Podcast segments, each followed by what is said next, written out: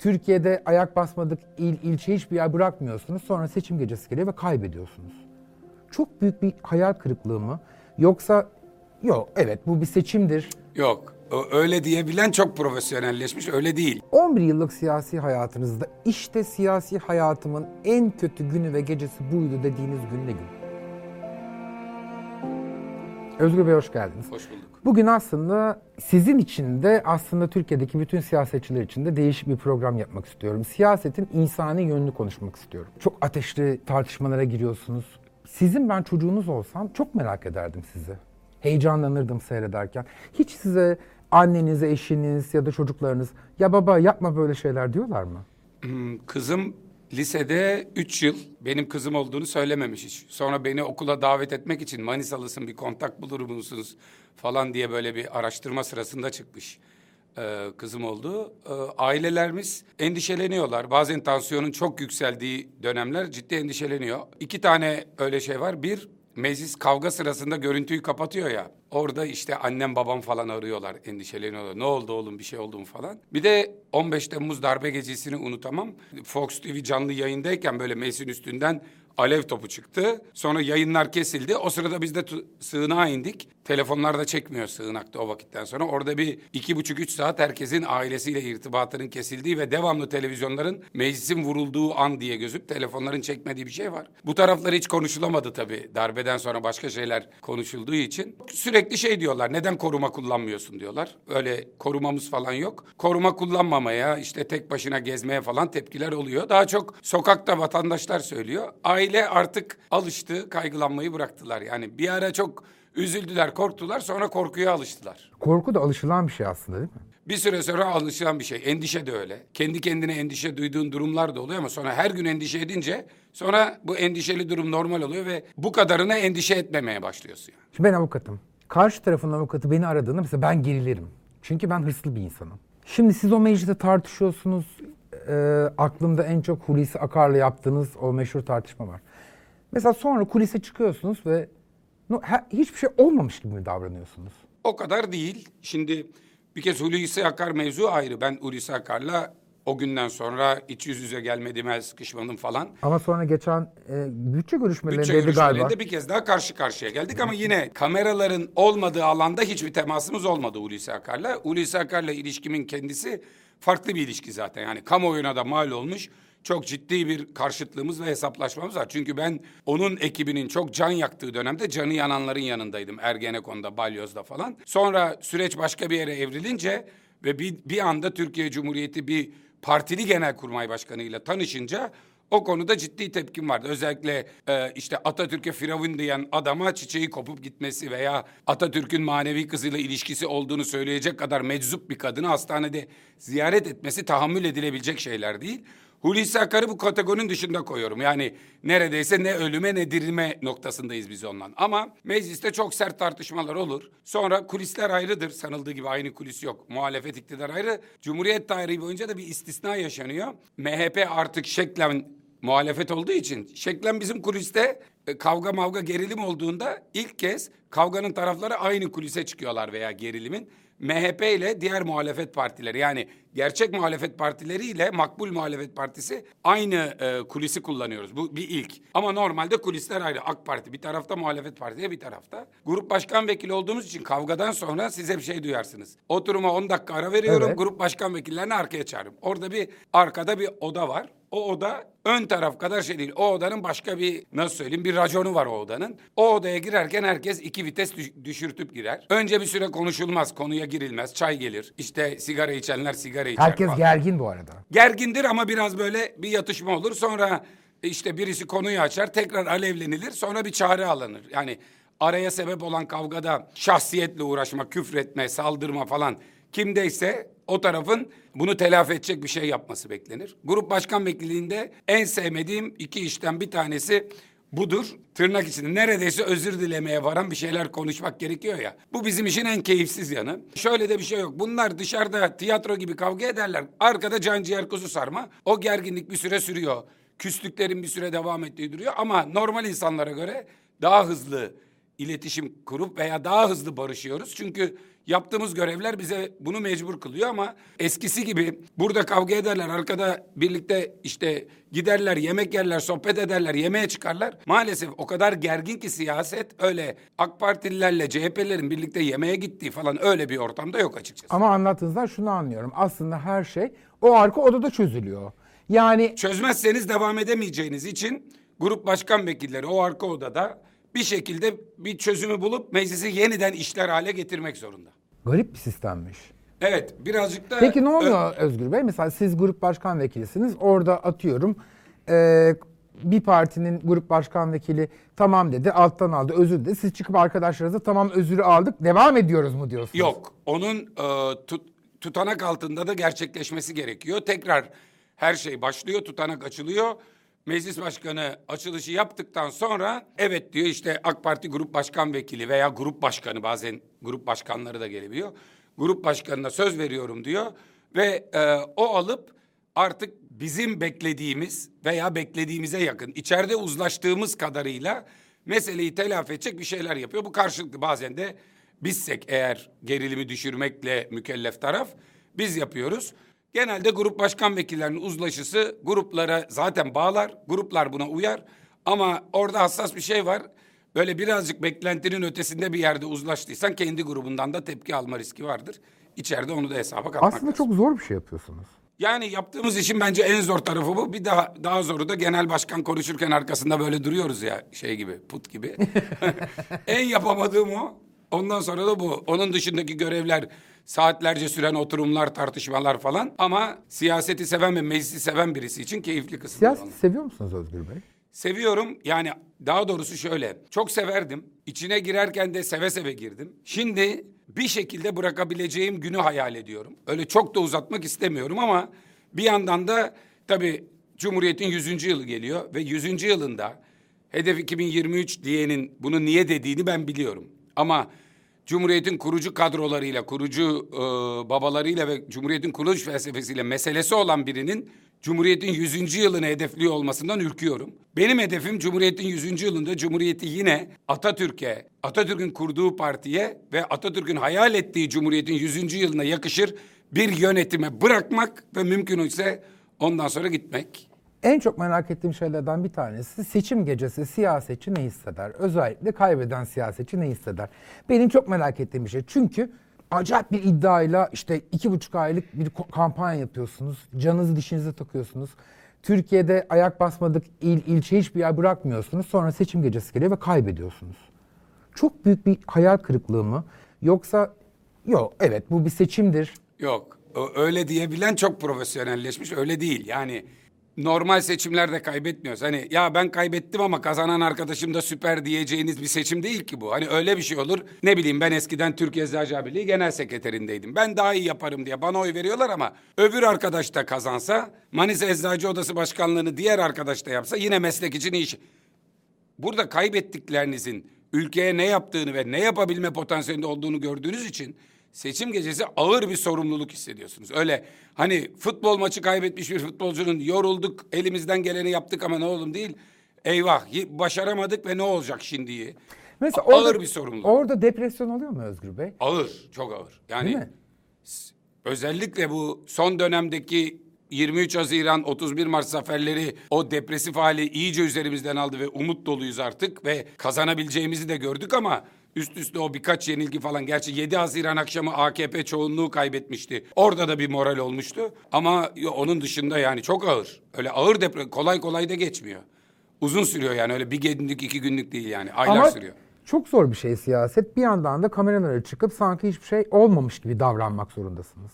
Tabii ama ben siyasetin biraz samimiyet, biraz gerçekçilik veya ciddi şekilde sahicilikle yapılmasının doğru. Yani üzülüyorsan üzüldüğünü görecek. Kahroluyorsan kahrolduğunu görecek. Yani şöyle bir şey yok yani. Bu maçı kaybettik ama önümüzdeki maçlara bakacağız diyecek pişkinlikte olamazsınız.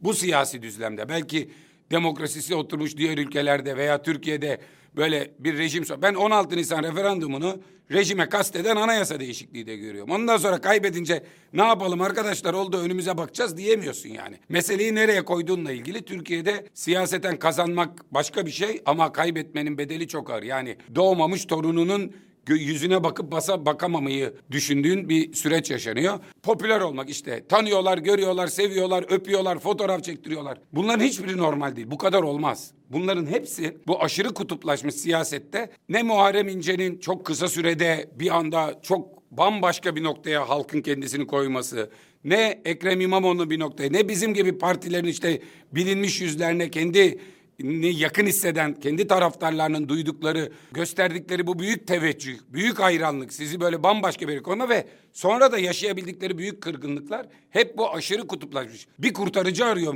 insanlar. Bir siyasetçi, bir seçim başarısı elde edecek birisi. Türkiye'nin siyasetinin diğer demokrasilerden veya ger- normal demokrasilerden farkı bu. Burada öyle bir sıkıntı var. Siyasetçi de sırtında öyle büyük hissediyor. Nasıl karar verdiniz siyasetçi olmaya? Aslında öyle doğrudan bir karar vermedim. Eczanede eczane eczacılığı yapmak dışında 2-3 yıl e, bambaşka işler yaptım. Gebelik testi satıcılığı falan filan. Böyle yapmamaya çok çalıştım.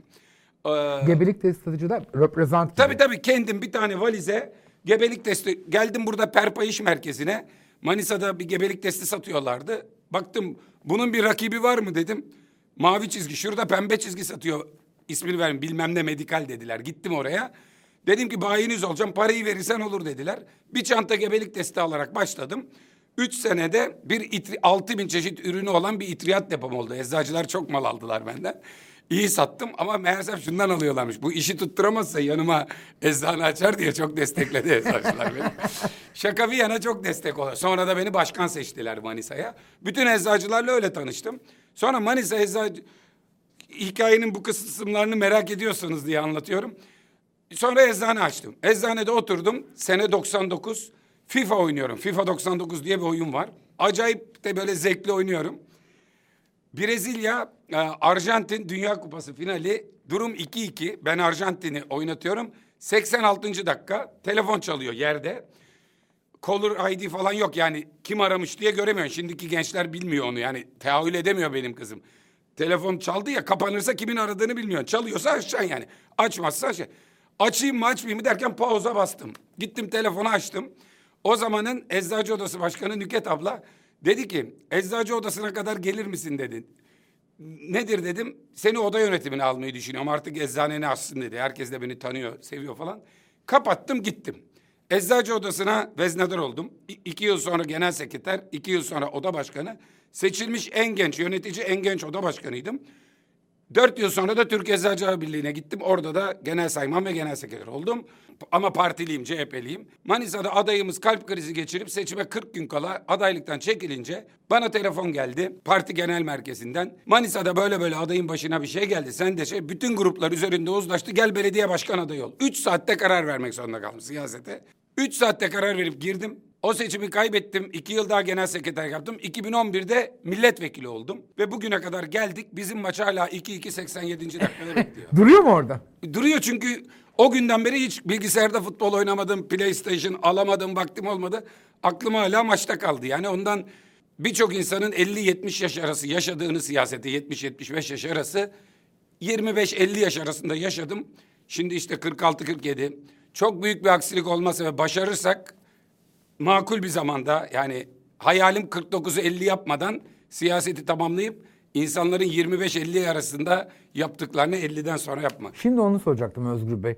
Bu kadar yoğun çalışırken ve e, siyasi bir şey peşinde koşarken hayat da kaçıyor bir yandan. Acayip kaçıyor hem de. Ben e, 2009 yılında o telefon çaldığında kızım 8 yaşındaydı hayatın kaçtığını 18 yaşına gelip de İstanbul'a işte e, kazandığı üniversiteye yollamak için evden uğurlarken valizini gördüm. Bir daha ne zaman bir araya geleceğiz? Yani o işin hayat acayip kaçıyor. E, e, siyasetçinin kendisine bir şey yok.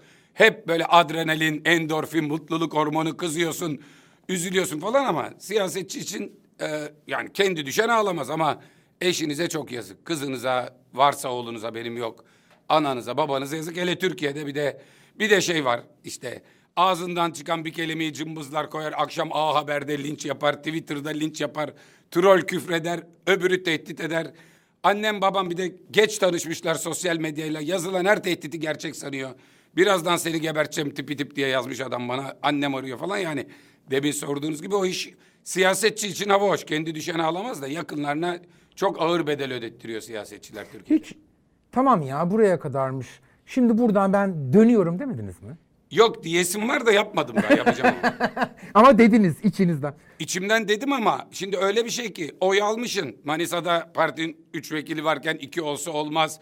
Grup başkan vekilisin. Bir grup başkan vekilini parti kolay yetiştirmiyor. Çünkü işte iş düzüğü bilecek, anayasayı bilecek, polemikte iyi olacak. Geçmişte yaşanan birçok şey olacak falan. Öyle çok da kolay bir şey değil yani. Tamam ben çıktım oynamıyorum çok kişisel bir şey değil. Partiye de bir şey kaybettiriyorsun. Bunu böyle bir kibirle söylemiyorum. Her arkadaşım Anladım. için aynı şey geçerli. Ama böyle şey bir yerden sonra mesela şey haya, gerçi çok da hayalimi de söylemeyeyim. Yapınca da etkisi olmaz ama bir gün böyle herkes Özgür Özel ne açıklayacak derken ben emekli oluyorum arkadaşlar bu işi gençler yapsın artık deyip gitmeyi çok hayal ediyorum yani. Özgür Bey eşiniz de mi eczacı? O da eczacı. Üniversite birden arkadaşım orada tanıştık. Peki mesela siz ayda kaç saat eşinizle beraber olabiliyorsunuz? Ya şöyle mesela dönemine göre değişiyor. Normalde rutinde e, ayda sekiz gün. Yani cumartesi pazarları eğer başka bir programım yoksa ben hep evde geçiririm. Pazartesiden cumaya zaten yokuz. Bazen haftada üç kaldığımda sekiz ila on gün ayda evde geçiririm. Ama o sürede kendi seçim bölgemin işte şeyleri falan. Hani böyle onun da yarısı dışarıda yarısı içeride geçse dört gece falan birlikte yemek O kadar. yiyebiliriz. Bu en iyi durumlar. Yani sekiz gün aynı evde yatarız, dördünde birlikte yemek yeriz, dördünde birlikte kahvaltı ederiz falan. Mesela atıyorum mecliste çok önemli bir toplantı var. O Bütçe ge- görüşmeleri. Büç, o gece de evlilik yıl dönümünüz. Oluyor öyle şeyler. Ne oluyor o zaman? Şöyle e, benim evlilik yıl dönüme gelmiyordu. Kızımın yaş gününde hep bütçe görüşmelerine denk geliyor. Onu o güne bana nöbet yazmıyor arkadaşlar. Gece akşam uçağıyla gidip sabah ilk uçakla geri dönüp hep kızımın yaş günde oldum. Ha siz ailenizi Ankara'ya götürmediniz. Götürmedim Manisa'dalardı. Şimdi de kızım İstanbul'da. Biz e, atomlara ayrıldık. Ay, çekirdek aile olarak atomlara ayrıldık. Şöyle Çok zor oluyor. bir hayat. Yani kendi düşeni alamaz yoksa yani gelip burada zor zor desem. Şöyle oluyor bir de mesela e, 31 Mart yerel seçimlerinde e, biz e, Mehmet Bey'le beraber 60 günde 41 ilde 246 aday tanıttık, konuştuk. Yani günde 6-7 farklı il ya da ilçenin adayını tanıttık. En şeyi Yılmaz Büyükerşen'in tanıtımında görevliydim. Ama mesela Muş Malazgirt'teki adayı da gittim tanıttım. 246 adayımıza gezdik. O dönemde 60 günde işte herhalde böyle yüz yüze geldiğimiz üç gün falandır eşimle yani. Ya eşinizin hayatı sizden daha zor bence. Tabii ya daha zor bir de onun durumu şöyle. O benimle tanıştı diye Manisa'ya taşındı. Bursalıydı onlar. O Bursa doğumlu. Benim için şehir değiştirdi. Ben onu burada bıraktım gittim. Şimdi o Manisalı oldu. Biz bir başka hayattayız yani. İnsan niye siyasetçi olmak ister? Dışarıdan bakıldığında cazip tarafları var. Ama esas sizi siyasette tutan iddia, o iddianın verdiği azim. Tabii bu kişiden kişiye de değişir. Neresinde olduğunuza bağlı siyasetin. Ben kendi iç okumamla. O adrenalin, başardığınızdaki endorfin. Çünkü hani tamam seçimi kaybediyorsun ama arada bir sürü şey başarıyorsun yani. Özellikle bizim meclis münazaraları sırasında, meclisteki görüşmeler sırasında. Veya yolda giderken, aa sen o değil misin gel evladım deyip bir yanağından öpen, elinden öptüren bir teyze falan. Hastanede neredeyse böyle yani çok ağır durumdaki biri koridordan seni görünce böyle yattığı yerden altı ok işareti yapan bir yaşlı hacı amca falan böyle Halk arasında aslında şehir efsanesidir. Milletvekilleri çok zengindir. Öyle midir? Ya şöyle onun iki üç boyutu var. Bir siyaset pahalı bir şey aslında. Yani O yüzden sonra yani sizin bu hal, bizim dışarıdan gördüğümüz çat orada çat burada çat orada çat burada aldığınız milletvekili maaşından fazlasını harcıyorsunuz gibi gözüküyor. Şöyle söyleyeyim ben milletvekili olana kadar zaten pahalı bir şey. Yani kampanya pahalı bir de böyle siyasi partiler milletvekili adayına bir bütçe falan ayırmaz. Her şeyi kendin yapacaksın. Zaten öncesinde ne bileyim işte yani altında bir araban, her gün deposu biten bir şey falan gerekiyor. Ben çok daha kolay girdim siyasete itiraf edeyim. Türkiye Eczacı Birliği Genel Sekreteriydim. Bir görev teklidi falan sonra da yani liderlerin A takımı için sunulan ayrıcalıklardan yararlanarak girdim. Ama sonra ön seçimde 5 yıl sonra yapıldı, 4 yıl sonra yapılan ön seçimde de Türkiye rekoru kırdım. Yani bütün üyelerin oylamasıyla da yüzde 86-87 oy alıp seçildim. Ama ilk girişim de ama yıllarca masraf edip uğraşıp bir yerlere gelemeyen veya gelene kadar çok ciddi harcamalar olan bir böyle bir siyasi sistem e, bir kez belli bir gelir seviyesinin altına kapıları kapıyor. Bu doğru değil öyle. Sonrasına derseniz göründüğünden çok masraf var kesin ama az buzda milletvekili maaşı alınmıyor. 20 bin liranın üzerinde bir de milletvekilleri emekli olurlarsa hem emekli maaşını hem milletvekili maaşını alıyorlar. Nasıl?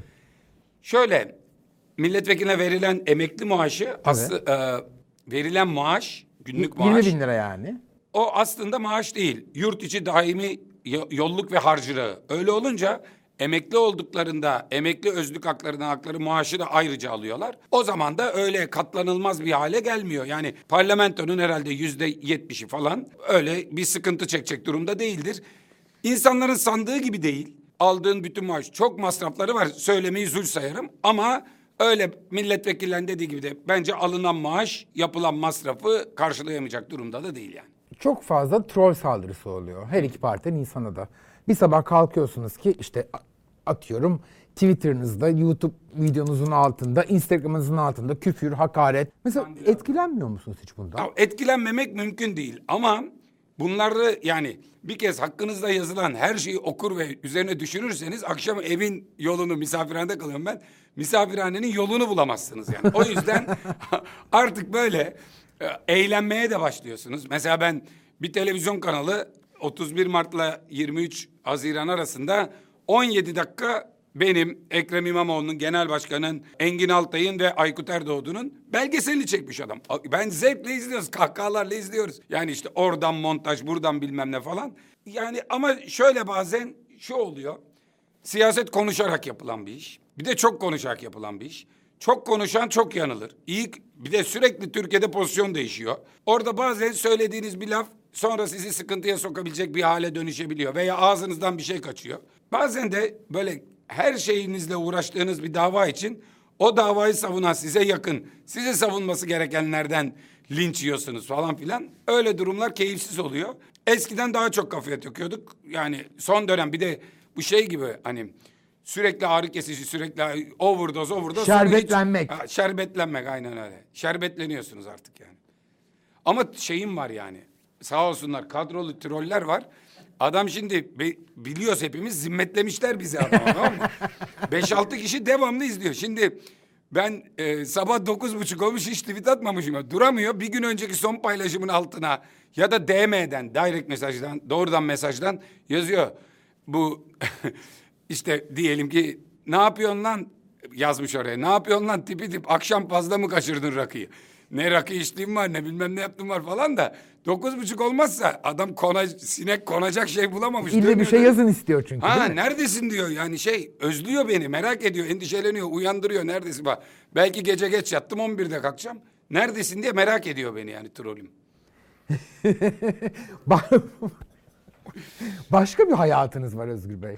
Yani aslında anladığım siyasetçilerin başka bir hayatı var. Evet evet evet belli bir seviyede ve göz önünde olan siyasetçilerin kendi yaşayamayacakları böyle e, içine itildikleri bir hayat var yani. Bir de şey tabii yani gazeteler haber değil tavır satıyorlar. Tavır sattıkları için o tavrı o satı, tavır satılacak gazetede yer alacak bir şey yapmanız lazım. O normal faaliyetlerle olan bir şey değil. O yüzden gitgide bu haberin çok hızlı tükenmesi, iz bırakacak bir şey yapmak için daha çok efor sarf etmek, daha çok yorulmak, daha çok yormak, birazcık da risk almak gerekiyor. Öyle bir durum var. İlk defa siyasi bir soru soracağım. Ee, dışarıdan gözlemlediğim kadarıyla Kılıçdaroğlu'nun e, CHP Genel Başkanlığını giderek bırakmak üzerine bir siyaset kurduğu yönünde bir izlenimim var. Sanki e, bir çatı kuracak ve o çatıyı kurduktan sonra da e, CHP'yi genel başkanlığını birisine bırakacak ve siyaseti bırakacakmış gibi sanki böyle ilmek, ilmek, ilmek onu örüyormuş gibi bir şey seziyorum. Doğru mu seziyorum yoksa tamamıyla uyduruyor muyum? Uydurmuyorsunuz ama e, bulgudan olguya giderken normal yöntemlerle yaptığınızda bu olur. Ama bir şeyi gözden kaçırmamak gerekir. O da bu bulgular normal siyaset düzleminde böyle okunabilir ama şimdi Türkiye'de bir ittifak siyaseti mecburiyeti var. İttifak siyaseti meselesinin de mimarlarından bir tanesi ve en önemli mimarı, en önemli kurgulayıcısı Kemal Kılıçdaroğlu. Hatta o kadar ki 50 artı bir almak için Türkiye'de solun gücü belli, sağın gücü belli. İşte hep 30'a 70 derler, 35'e 65 derler ama böyle bir denge varken bir sol partinin liderinin 50 artı 1'i sağlama noktasında ki zorluğu veya o 50 artı 1'i sol bir parti etrafında birleştirmekle solcuların da oy vereceği, sağcıların da oy vereceği bizi bu cendereden kurtaracak bir ittifak siyasetini örmek ve bunun üzerinden önce bir mesela bu konuda daha bunlar yokken başarısız bir adım atıldı. Ekmelettin İhsanoğlu vakası diye siyaset tarihine geçen. Ama mesela o günlerde bile bu deneniyordu. Çünkü olmayacak tek başımıza falan. Sonra bu 50 artı bir sistem geldi. Orada genel başkan o bir adım geriye atması, bir çatı sistemi kurmaya çalışması. Bu 31 Mart ve 23 Haziran seçimlerinin 31 Mart'ın büyük başarısını getirdi. Yerel seçimlerde bu sefer bazı yerde birçok yerde CHP'li aday, bazı yerlerde de İyi Partili, bazı yerde işte diğer partilerden adayların ön plana çıktığı ama İyi Parti ile CHP arasında ciddi bir yardımlaşmanın da olduğu, bunu da aşan bir İstanbul İttifakı diye nitelendirilen bir süreç. Bu olgu akıllara ya herhalde yavaş yavaş yapıyor. Orada karar kendisinin ne zaman devam eder ne yapar ama bu ittifak siyasetindeki başarısını hepimiz takdir ediyoruz ve onunla birlikte uyguluyoruz. Özgü Bey, son sorumu soruyorum. Kaç yıldır siyaset yapıyorsunuz? Meslek siyasetini saymazsak 2009'dan beri aktif olarak 11 yıldır 11 yıllık siyasi hayatınızda işte siyasi hayatımın en kötü günü ve gecesi buydu dediğiniz gün ne gün? Gar katliamında 103 tane evladımız ki 11 tanesi Malatya gençlik kollarından gelmişler ve partimizin katkısından gelmişler. Yani a, duyuru yapmışız, bindirmişiz. Manisa'dan da üç tane bizim partilimiz değil ama işte sol sendikalardan falan. Onların paramparça cesetleri böyle şeye taşındı. Oradaydım Veli Ağababa ile beraber adli tıpa. Sonra biz 36 saat boyunca ama ilk 12 saat yoğun böyle işte kol, bacak falan adli tıp otopsilerden sonra ve insanlar yakınlarını bulamıyorlar. Geliyorlar teşhis ediyorlar. Sonra da öyle hani bir bütünlüğü olmayan çoğu cesedi ailelere teslim ettik 36 saat boyunca. Hayatımın en kötü siyasetteki dönemi oydu. Siyasi başarısızlık olarak derseniz işte girip de kaybettiğimiz seçimler oluyor. Onların Herhalde Muharrem İnce'nin kaybettiği gece onlardan en büyüğüydü. Çünkü o CHP içinde de bir krize dönüştü. Şöyle referandumda da çok üzüldüm. O gece de çok üzüldüm. Ondan sonra e, CHP içinde bir krize daha sonra dönüştürmeye çalışanlar çok oldu. Aslında hani o gece yaşananlar biz hepimiz genel merkezdeydik ve bir sürü de bir kısmını Muharrem İnce'ye işte e, yabancı askerler geldi kaçırdıdan bilmem neye kadar hak edilmedi. Muharrem Bey'in de hak etmediği, genel merkezin de hiç hak etmediği bir sürü şey yayıldı. Peki de Allah aşkınıza bir tane hani e, muhalefet partisi adayını yabancı askerler gelip niye kaçırsın yani? İşte e, ama Twitter'da onlar yürüdü falan filan. A- ama Özgür Bey burada sorun şimdi bunu ortaya atmak değil. Burada sorun buna inanan Muharrem İnce'ye oy vermiş insanlar. Öyle bir noktaya geliyor ki iş bir yerden sonra gerçekten insanlar normal şartlarda kendi inandıklarına da daha sonra inanamaz hale geliyorlar. Ama duyguların çok yoğun olduğu, üzüntülerin çok yoğun yaşandığı bir dönem. Bizim seçmenimiz de öyle böyle değil. Yani böyle pıt pıt pıt damarında atıyor yani. Öyle ne bileyim Finlandiya'daki seçmen gibi aa oy verdim mi vermedim mi hatırlamıyorum şimdi değil. Bizimki böyle damarına kadar, ciğerine kadar hissediyor. Mesele çok vahim Türkiye'de. O yüzden bu kadar herkes bu kadar çok seviyor, bu kadar çok sarılıyor ve bu kadar çok kızdı mı kızıyor. Ama inşallah daha doğru bir zemine, daha iyi bir noktaya doğru hızla evrilmesini sağlayacağız hep beraber. Özgür Bey, geldiğiniz için çok teşekkür ederim. Ben teşekkür Bence ederim. çok keyifli bir sohbetti. Gerçekten çok şey öğrendim. Hakikaten çok şey öğrendim. Çok teşekkür ederim. Ben Sağ teşekkür olun. ederim. Başarılar dilerim.